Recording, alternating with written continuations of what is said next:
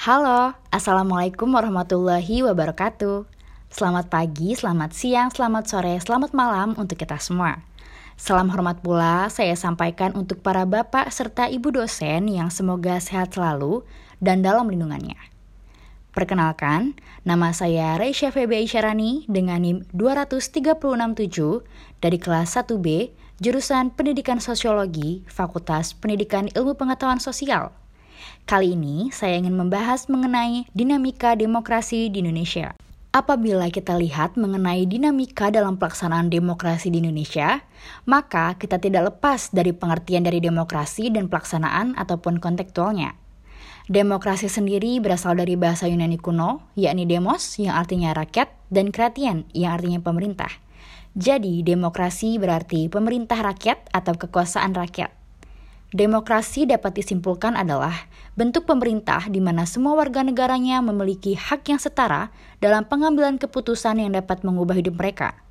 Sepanjang sejarah, Indonesia pernah mengalami dinamika ketatanegaraan seiring dengan berubahnya konstitusi yang dimulai sejak berlakunya Undang-Undang 1945, tahap 1, Konstitusi RIS, pada tahun 1949, UUDS pada tahun 1950, lalu kembali ke Undang-Undang Dasar 1945 yang akhirnya berhasil diamandemenkan sebanyak empat kali.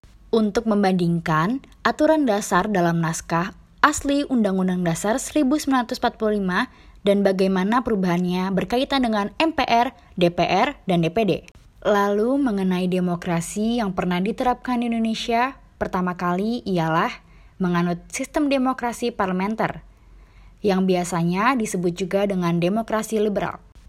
Demokrasi liberal itu sendiri membawa dampak terhadap Indonesia yang lumayan besar, yaitu mempengaruhi keadaan situasi dan politik pada saat itu. Selanjutnya, Indonesia menerapkan sistem demokrasi terpimpin, di mana para pemimpin sebagai pemikir serta pembuat keputusan.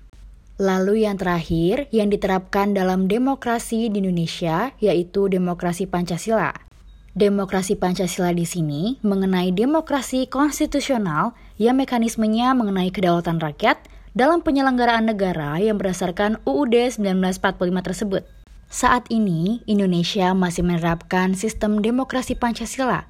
Demokrasi ini pelaksanaannya menganut setiap nilai yang ada dalam Pancasila, seperti religius, gotong royong, keadilan, kemanusiaan, dan persatuan yang diharapkan akan menjadikan Indonesia sebagai negara yang maju.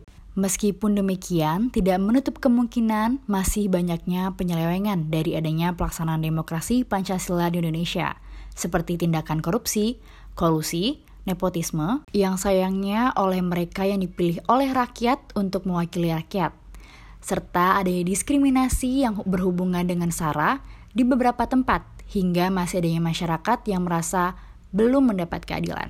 Sekian yang dapat saya sampaikan. Hal ini saya buat untuk memenuhi salah satu tugas mata kuliah pendidikan keluarga negaraan. Kurang lebihnya mohon maaf. Wassalamualaikum warahmatullahi wabarakatuh.